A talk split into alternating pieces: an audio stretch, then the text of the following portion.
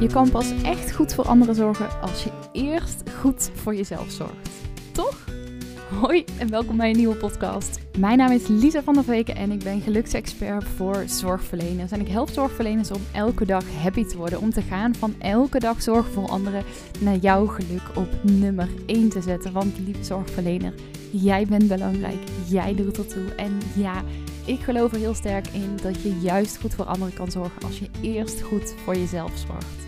Maar ja, laat dat nou net een dingetje zijn wat de meeste zorgverleners vaak best wel lastig vinden. En daarom neem ik in deze podcast mee in allerlei tips, verhalen, interviews en ook mijn eigen reis in wat er voor nodig is om veel beter voor jezelf te zorgen. Want ja, hoe doe je dat nou eigenlijk? Dat en meer ontdek je in deze podcast. Dus bij deze heel veel luisterplezier.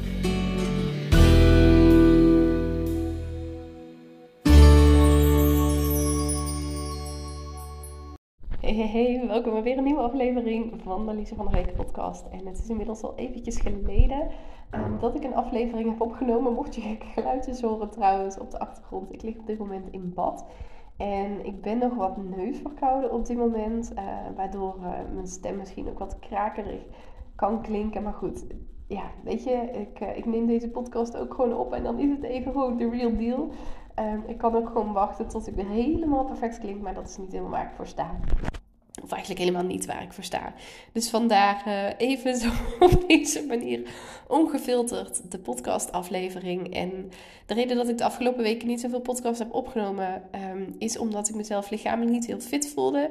En daar waar ik dan vroeger, en nou, dat sluit ook wel aan op het onderwerp van de podcast van vandaag, um, gewoon gedacht zou hebben: ik ga gewoon door en ik denk er gewoon door en ik knal gewoon. En ik ga er volledig voor iets waarvan ik in de vorige podcast of podcast ook al deelde dat ik dat, naar mijn mening, überhaupt in de periode uh, daarvoor eigenlijk al wat te veel gedaan heb. Maar ik dacht, nee, ik wil echt rust nemen. Um, ja, gaf mijn lijf dus ook aan van, ik heb rust nodig. Heb ik ook bewust even heel veel tijd voor mezelf genomen. Um, heb ik echt de tijd genomen om bij te komen, om naar binnen te keren. Um, en te voelen van, nou, wat heeft mijn lichaam nodig? En daar zo goed mogelijk naar te luisteren. Wat niet altijd betekent dat ik me dan meteen topfit voel. Uh, maar ik kijk dan op zo'n moment wel heel erg. En dit sluit eigenlijk aan op een, een, een ander iets. Um, uh, nou ja, wat, een, een, gesprek wat ik van de week had. Maar uh, misschien wel ook. of tenminste, misschien. Ik weet zeker dat het ook waardevol is om te delen. Maar dat ik heel erg ga kijken naar op dat moment. Wat geeft mij op dit moment energie?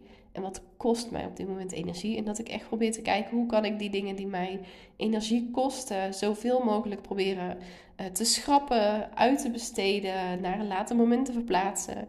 En de dingen die mij energie geven, op dat moment zoveel mogelijk te doen. En eigenlijk nog veel meer van te gaan doen. En Dat kunnen dan allerlei verschillende dingen zijn. En de ene keer is dat, zoals ik nu op dit moment bijvoorbeeld doe, iets wat me energie geeft of wat me helpt om op te laden, is dat ik lekker in bad ga. Uh, vanochtend ben ik bijvoorbeeld heel bewust lekker gaan wandelen. Het kan ook zitten in gezond eten. Het kan zijn dat ik even met uh, iemand wil kletsen, dat ik mijn verhaal kwijt wil. Het kan zijn dat ik lekker ga dansen. Nou, kortom, kunnen allerlei verschillende dingen zijn. En ik benoem even van, uh, of ik benoemde net van, nou, dat sluit eigenlijk aan op iets anders dan wat ik wilde delen. Want ik had van de week hadden een gesprek onder andere met een van onze buren. En die gaf aan van ja, ik slaap s'nachts gewoon best wel slecht. En mijn hoofd stopt niet, mijn hoofd gaat niet uit. En mogelijk dat ik daar nog een keer een andere podcast over opneem.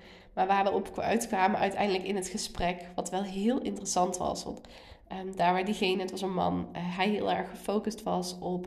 Oké, maar hoe kan ik dan dus bijvoorbeeld meer meditaties doen? En hoe kan ik um, dingen van me afschrijven? Echt heel erg gefocust was op het probleem van het slapen, bleek uiteindelijk toen ik wat verder door ging vragen dat het eigenlijk niet het probleem was dat hij slecht sliep, maar dat het een symptoom was van iets anders. Namelijk dat hij dus heel veel dingen deed die hem geen energie gaven. En dat leverde hem vervolgens zoveel stress op dat hij dus heel erg in zijn hoofd ging zitten en dat hij eigenlijk niet kon slapen. En dat is iets wat ik uh, in mijn coaching heel veel doe. Wat ik heel belangrijk vind, is om echt ook die diepere vragen te stellen. Goed door te vragen van oké, maar wat is nu echt de oorzaak van het probleem? Want we denken dan soms dat we de oorzaak gevonden hebben. Ja, ik slaap niet slecht, want mijn hoofd staat niet stil. Maar eigenlijk lag er iets heel anders aan ten grondslag. En was het een symptoom dat zijn hoofd niet stil stond? En was dat niet de oorzaak? Ik denk dat we veel te vaak doen aan symptoombestrijding en veel meer mogen kijken naar wat is de onderliggende oorzaak. Ook van mij, ik weet gewoon wat de oorzaak is dat ik me de afgelopen weken gewoon minder fit heb gevoeld. Namelijk, ik ben heel erg hard ook aan het werk geweest, ook met dingen die mij geen energie gaven. En daarin heb ik ook echt mogen zeggen: Oké, het is tijd dat ik hier een pas op de plaats zet. Alleen, dat heeft ons gewoon even wat herstel tijd nodig. En ehm, ik geloof ook dat mijn weerstand wat verminderd is daardoor, waardoor ik nu ook een soort van opnieuw weer verkouden ben. Goed, dat even heel terzijde, want dat was eigenlijk niet wat ik wilde delen. En tegelijkertijd denk ik wel heel waardevol voor jezelf om eens onder de loep te nemen van, nou, hoeveel energiegevers heb ik op dit moment in mijn leven? En hoeveel energieslurpers heb ik op dit moment? Ook een van de tips, mocht je die trouwens nog niet gedownload hebben, doe het even. Um, ik heb hem helemaal vernieuwd onlangs, echt een week, twee, drie weken geleden, ik weet niet exact. Um, maar in mijn e-book Elke Dag Happy van uh, altijd zorgen voor anderen naar je eigen geluk op nummer 1. Daarin benoem ik dit ook als een van de concrete tips om mee aan de slag te gaan. Dat stukje energiegevers en energieslurpers echt heel waardevol om voor jezelf eens onder de loep te nemen. Maar wat ik met je wilde delen, deze podcast gaat over een uh, gesprek wat ik afgelopen week had. En uh, dan met name specifiek over een bepaalde uitspraak die ik vroeger zelf ook gedaan zou kunnen hebben. Die ik ook heel veel zorgverleners hoor doen en bij heel veel mensen ook zie gebeuren. Ehm, en wat in mijn ogen echt een teken is van eigenlijk hele slechte zelfzorg. En wat op de lange termijn uiteindelijk veel meer risico's met zich meebrengt. Althans, zoals ik het zie. Ehm, terwijl op de korte termijn je misschien denkt dat je er heel erg goed aan doet. Goed, nou, waar heb ik het over? Ik had van de week een gesprek met iemand en ik wil even de, de casus ehm, loskoppelen van de uitspraak die gedaan werd. Want anders dan uh, is het mogelijk te herleidbaar. En dat vind ik gewoon niet zo netjes. Maar ik had een gesprek met iemand en diegene deed uitspraak. Ja, ik had onlangs gewoon 40 graden koorts en ik was gewoon aan het werk op de afdeling. En ik dacht alleen maar, wat? Huh? Wacht even, wat? Ja, 40 graden koorts. Ik weet niet meer of ze zei bijna 40 graden of dat ze zei ik had 40 graden koorts. Maar goed, dat doet er even niet toe ik had 40 graden koorts en ik was gewoon aan het werk op de afdeling. En het ging iemand, uh, over iemand die dus uh, klinisch op een afdeling uh, werkzaam is en veel dagelijkse patiëntenzorg heeft. En dat ik ook vroeg van, waarom doe je dat? En nou ja, ze kwam met op het eerste oog, eerste gezicht, ik weet niet zo goed hoe je dat zegt, um, maar best wel argumenten dat ik dacht, ja, die zou ik nog kunnen begrijpen ook. Ja, want ja, anders dan, uh, dan is er mogelijk geen personeel om voor de patiënten te zorgen. En dan is het misschien anders kort dag als ik mezelf afmeld. En ach, ik heb over een paar dagen toch vrij, dan kan ik bijkomen. En allemaal van die argumenten waarvan je op, uh, ja, op het eerste gezicht zou kunnen denken. Ik denk dit zelf op dit moment niet meer, maar... Um, waarvan je zou kunnen denken, ja, dat snap ik ook nog. Want ja, je wil ook je patiënten niet in de steek laten. En ja, het risico lopen dat dan straks je collega's heel hard moeten werken. Dat zij mogelijk ook allemaal ziek worden. Want dat was ook iets wat erachter zat. Maar vervolgens, of eigenlijk al meteen, dacht ik: ja, maar hallo, je bent ziek. Wat maakt het als je ziek bent dat je jezelf niet ziek meldt? En wat betekent dat? Want nou ja, als je één ding doet, zeg maar, dan doe je dat op één moment, dan doe je dat heel vaak ook op andere momenten. Wat betekent het dat je op dat moment niet ziek hebt gemeld voor hoe jij überhaupt voor jezelf zorgt? Want heel vaak zijn dat soort situaties super typerend voor hoe jij in general, zeg maar, voor jezelf zorgt. En ik ging daar dus wat op doorvragen. En wat bleek nou? Diegene, die cijferde zichzelf over het algemeen vaak best wel weg. Die vond het veel belangrijker dat anderen tevreden waren, dat er voor anderen gezorgd werd en hoe zij er dan onder zat. Nou ja, dat was dan maar even hoe het was. En ze vond ook dat ze anderen niet in de steek kon laten. En er waren best wel wat overtuigingen waarvan ik dacht, mm, ik weet wat het risico hiervan kan zijn op de lange termijn. Wat het jou uiteindelijk kan kosten. Wat ik net ook al zei. Want op het moment dat je één keertje denkt, nou ik voel me niet zo lekker en ik ga wel naar de afdeling. Dan kan het nog zijn dat je, nou ja, als je daarna een paar dagen vrij bent, dat je wel weer op kunt knappen. Maar in de long run betekent dit vaak dat je in de basis gewoon weinig tijd neemt voor jezelf. Dat je uh, jezelf heel vaak wegcijfert ten koste van anderen. Dat je veel bezig bent om anderen tevreden te stellen.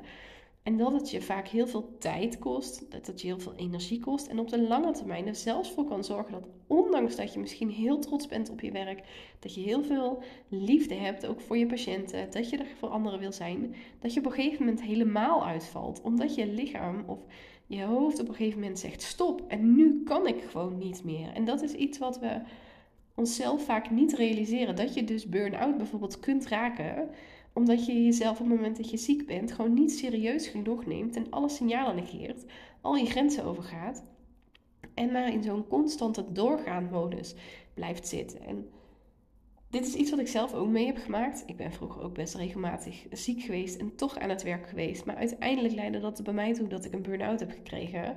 Ik zeg altijd, dat was niet genoeg om mijn lesje te leren, want daarna ging ik gewoon op dezelfde manier door. Maar uiteindelijk vervolgens dus nog een depressie heb gekregen. En een jaar lang niet van mijn eigen zoontje heb kunnen houden. En nou weet ik dat ik hem misschien daardoor wat ver doortrek. Maar stel je eens voor dat jij over een tijd misschien helemaal weg zou vallen. Wat zou dat dan betekenen voor hoe je je voelt? Wat zou dat betekenen voor je gezin? Wat zou dat betekenen voor de patiënten voor wie je zo graag zorgt? Of de cliënten voor wie je zo graag zorgt?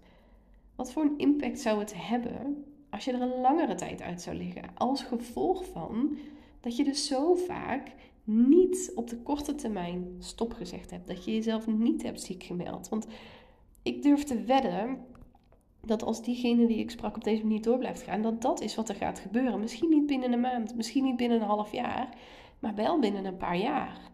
Ik heb dit namelijk al zo vaak gezien, zo vaak meegemaakt. Niet alleen vanuit eigen situatie, maar ook ik zie het onder studenten. Ik zie het onder zorgverleners die ik op regelmatige basis zie of spreek. Ik heb het ook zoveel gezien toen ik zelf aan het werk was als verpleegkundige bij collega's. Dat dit gewoon keer op keer op keer op keer was wat er gebeurde. En of het nou is dat je jezelf niet ziek meldt op een afdeling op het moment dat je ziek bent.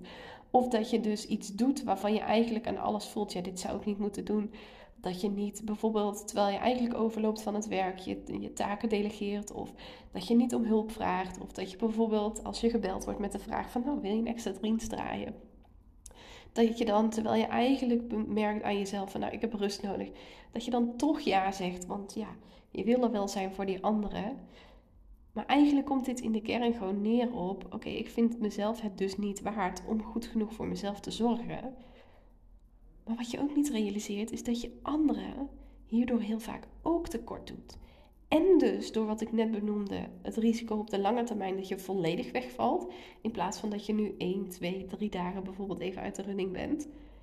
Maar ook sta eens stil bij hoe anders jij komt opdagen op een afdeling, in je werk, op welke plek je ook werkt. Op het moment dat jij hartstikke ziek bent en ellendig voelt hoeveel minder aandacht heb je dan voor die patiënten? Hoeveel grotere kans heb je op het maken van fouten omdat je er met je hoofd niet volledig bij bent, omdat je je niet lekker voelt? Hoeveel kun je er eigenlijk daadwerkelijk ook voor je collega's zijn? Tuurlijk, je kan misschien op een soort van automatische piloot de zorg voor patiënten doen, maar ja, de kans is gewoon heel groot dat jij veel minder kwalitatief goede zorg levert dan wanneer je er wel zou zijn. En wat betekent dat dan voor de zorg? En wat betekent het op wat jij dan uiteindelijk van het team vraagt? En belangrijker nog in mijn ogen, welke risico loop je daar zelf mee op de lange termijn? Want het kan ook betekenen dat collega's op een gegeven moment denken: ja, maar die is er altijd, daar kunnen we op bouwen. Dus nou, dan kunnen we nog wel wat extra aanvragen. Dat je misschien nog meer hooi op je vork neemt. Dat je daar dan geen, dat je daar geen nee tegen wil zeggen. Dat je daar dan nog meer over je grenzen gaat dat kan een risico zijn. Maar ook dat je dus gewoon jezelf zo wegcijfert. Dat je op een gegeven moment bijvoorbeeld het werk gewoon niet meer leuk gaat vinden. Dat je lichaam stop gaat zeggen. Dat je in een burn-out raakt. En wat doet dat dan met je? Misschien herken je daarvan al iets in je leven. Dat je denkt van ja, soms vind ik het eigenlijk gewoon niet leuk meer. Terwijl ja, je bent niet voor niks in de zorg gaan werken omdat je eigenlijk dus zo'n groot hart hebt voor die patiënten, voor die cliënten. Dat je er eigenlijk zo blij van wordt. Maar op een gegeven moment vind je je werk misschien gewoon niet leuk meer. En dat is ook iets wat ik heel veel terug hoor. Ja, ik vind het eigenlijk niet meer zo leuk zoals het vroeger was. En dat je dan denkt, ja, maar ik heb zo nog gewerkt druk en er wordt zoveel van me gevraagd. Maar eigenlijk is dat vaak ook niet het probleem. Het zit erin, in het feit dat jij continu je eigen grenzen overgaat. En dat jij je grenzen niet uitspreekt. En jij het niet aan durft te geven. Ik even te denken, welk punt wil ik nu maken? Nou, wat mijn nummer één statement natuurlijk altijd is, is goede zorgverlening begint bij goede zelfzorg. En zelfzorg gaat er niet alleen over dat je bijvoorbeeld even pauze neemt. Gaat er juist ook over dat als je ziek bent, dat je gewoon denkt: het is oké, ik ben ziek en ik gun het mezelf, echt vanuit liefde ook.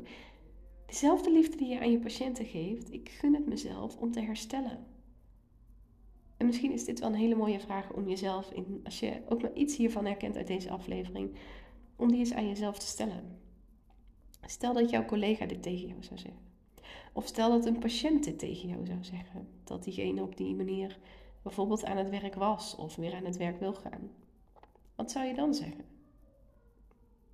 Stel dat je beste vriendin of je partner of als je kinderen hebt en die al wat groter zijn, een van je kinderen zou zeggen: Ja, ik ben eigenlijk helemaal niet fit, maar ja, ik ga gewoon werken. Ach, uh, niks aan de hand, ik ga gewoon door. Wat zou je dan zeggen? Want vaak hebben we zelf hier heel veel ideeën over, over hoe we vinden dat anderen hier eigenlijk mee om zouden gaan. Maar nemen we onze eigen adviezen daarin niet aan. Dus sta stil bij welk advies jij aan anderen zou geven. En gun het jezelf dan vervolgens ook om naar dat advies te gaan luisteren. Want de adviezen vaak, niet altijd, maar heel vaak die je aan een ander geeft, zijn vaak de adviezen die je zelf het meest hard nodig hebt. En wat nu als je op die manier zou gaan kijken naar je eigen situatie, als een soort helikopter boven je eigen situatie zou gaan hangen. Als je stil zou staan bij hoe je op dit moment leeft, bij hoe je op dit moment aan het werk bent. En wat zou het voor jou betekenen als je daar in positieve zin naar je eigen advies zou gaan luisteren? En jezelf bijvoorbeeld wel ziek zou gaan melden? Wat voor een positief effect zou dat dan hebben? En hoe graag zou je dat willen? Nou, kortom, heel veel vragen volgens mij om aan jezelf te stellen. En in mijn ogen, ik ben dus echt van mening, als je ziek bent, ben je ziek en mag je jezelf ziek melden. En tuurlijk snap ik dat je, weet je, dat je ergens dat stemmetje in je hoofd hebt van ja, maar dan laat ik anderen in de steek of dan moeten mijn collega's het opvangen. Maar anders heb je gewoon het risico om op de lange termijn uit te vallen. En trust me, daar zitten je collega's en je patiënten nog veel minder op te wachten. Dus mag daarin ook eerlijk zijn, je grenzen aangeven. En dat is lief zijn voor jezelf. En dat is wat ik jou echt van harte gun. Nogmaals, ik noemde net het e-book Elke dag happy van altijd zorgen voor anderen naar jouw eigen geluk op nummer 1. Dat is ook echt een aanrader als je ook maar iets hiervan herkent in je eigen situatie. Dus download die dan ook vooral. Ehm, en dan ga ik nu lekker de podcast afronden. Ik ben heel benieuwd hoe deze voor je was. Voor mijn gevoel was het een heel wazig verhaal. Ehm, maar ik weet zeker dat hier echt, als je goed hebt geluisterd, dat een hele grote kern van waarde in zit. Dus ja, ik ben benieuwd hoe deze voor je was. Als je denkt, Lisa was helemaal niks. Let me know.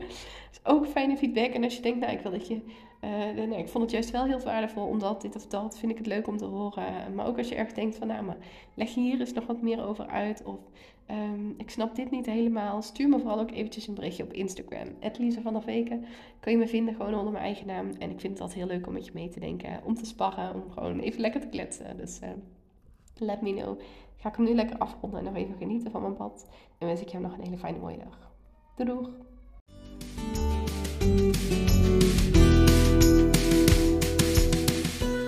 Yes, en dat was hem dan alweer. Mocht je nou nieuwsgierig zijn naar meer, check dan eventjes lisavanderweken.nl of zoek me op op Instagram, @lisavanderweken. Als je deze podcast nou super tof vindt, abonneer je dan vooral eventjes en laat een korte review achter op iTunes of op Spotify als je daar 30 seconden hebt geluisterd dan uh, kan je daar de aflevering een aantal sterren geven. Als je hem vijf sterren zou willen geven, zou ik dat ontzettend waarderen. Want daardoor kan de podcast weer verder verspreid worden en kunnen veel meer mensen veel dichter bij zichzelf komen en ook dat fijne, gelukkige, vervulde leven gaan leven. Voor nu wens ik je een ontzettend mooie dag en heel graag tot de volgende. Doei doei!